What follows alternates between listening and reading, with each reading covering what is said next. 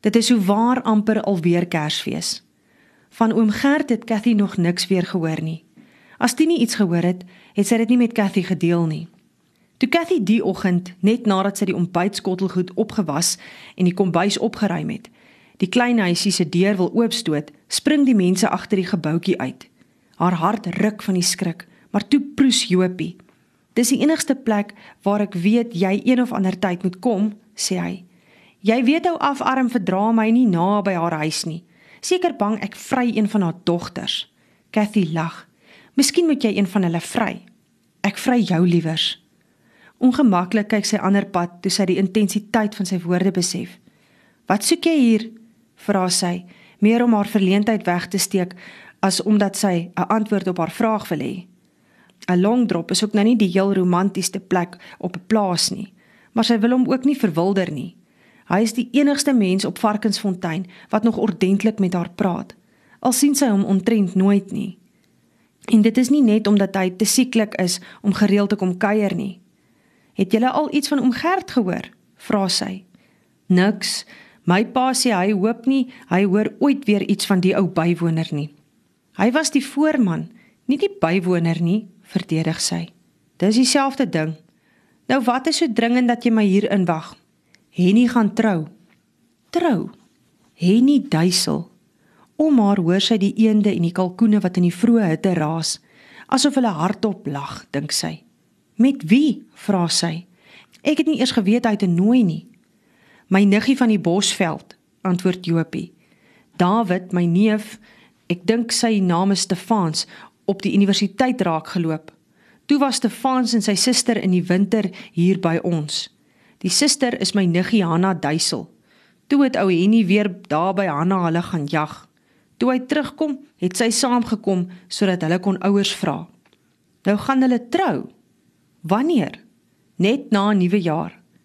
Hoekom kom vertel jy dit vir my?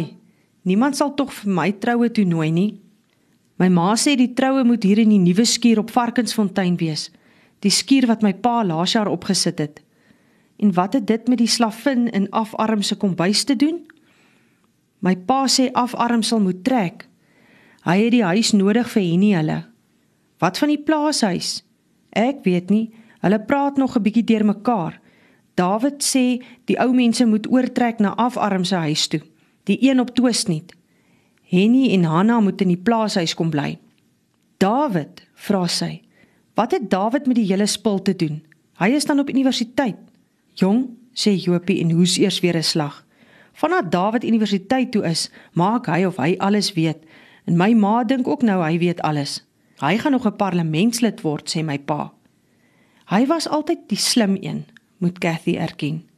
Van die agterdeur af roep Stinie. Ek moet gaan, sê Cathy haastig. Moet ek vir Stinie sê dat sy moet trek? Nooit, my pa sal haarself sê. Hy sê hy is nie bang vir hekse nie. Jopie hoes En net voordat hy weer agter die huisie in verdwyn, sê hy: "Miskien moet ek en jy maar trou en self hier kom bly." Voordat sy kan antwoord, is hy om die hoek. Trou met Jopie. Dis nou nie eintlik deel van haar droom nie. Maar miskien is dit 'n uitkoms. Haar enigste pad uit Stinie se kombuis uit. Sy wat Cathy is, wil net nie naby wees wanneer Stinie die nuus kry dat sy moet trek nie. Maar sy is toe naby baie naby toe Henny op 'n dag buite op haar staan en skree om Stinie te roep. Hy wil met haar praat. Henny gee nie eens vir haar kans om weg te staan toe Stinie uitkom nie. Hy val met die deur in die huis. "Julle moet trek voor Kersfees. Ek wil die huis laat skoonmaak." "Nou wie gee jou die reg om hier vir my te kom staan en orders gee?" "Ek is nou die boer op Varkensfontein. Ek sê wat moet gebeur en ek sê jy moet trek. Ek het 'n kontrak met jou pa." Cathy kan aan Stinie se hele manier van praat hoor dat sy nie meer so heeltemal seker van haar saak is nie. Jy het nie met my 'n kontrak nie. Nou vir wat wil jy nou die huis hê? Dit het niks met jou te doen nie. Ek trou Januarie en dan moet jy en jou dogters hier uit wees. Wat van haar? Vra Stinie en beduie met haar duim oor haar skouer in Cathy se rigting. Sy's 'n weeskind, sy moet vir haarself sorg. Asof ek nie hier is nie, dink Cathy en wens vir die hoeveelste keer in haar lewe dat sy die krag gehad het om Hendrik Duisel se bek toe te slaan. Ek sal met jou pa gaan praat, sê Stinie, maar Cathy ken haar goed genoeg om te weet dat dit net praat is. Nogtans loop Stinie met haar swaaiende lyfie agter Henny aan plaashuis toe. Toe sy binne 'n halfuur terug is, weet Cathy sommer dat die gesprek met oom Henny ook nie baie goed afgeloop het nie. "Wat kyk jy?" blaf Stinie toe sy die kombuis inkom. "Gooi vir my koffie in en loop staan buite. Ek het nie krag om nog in jou gevreet ook vas te kyk nie."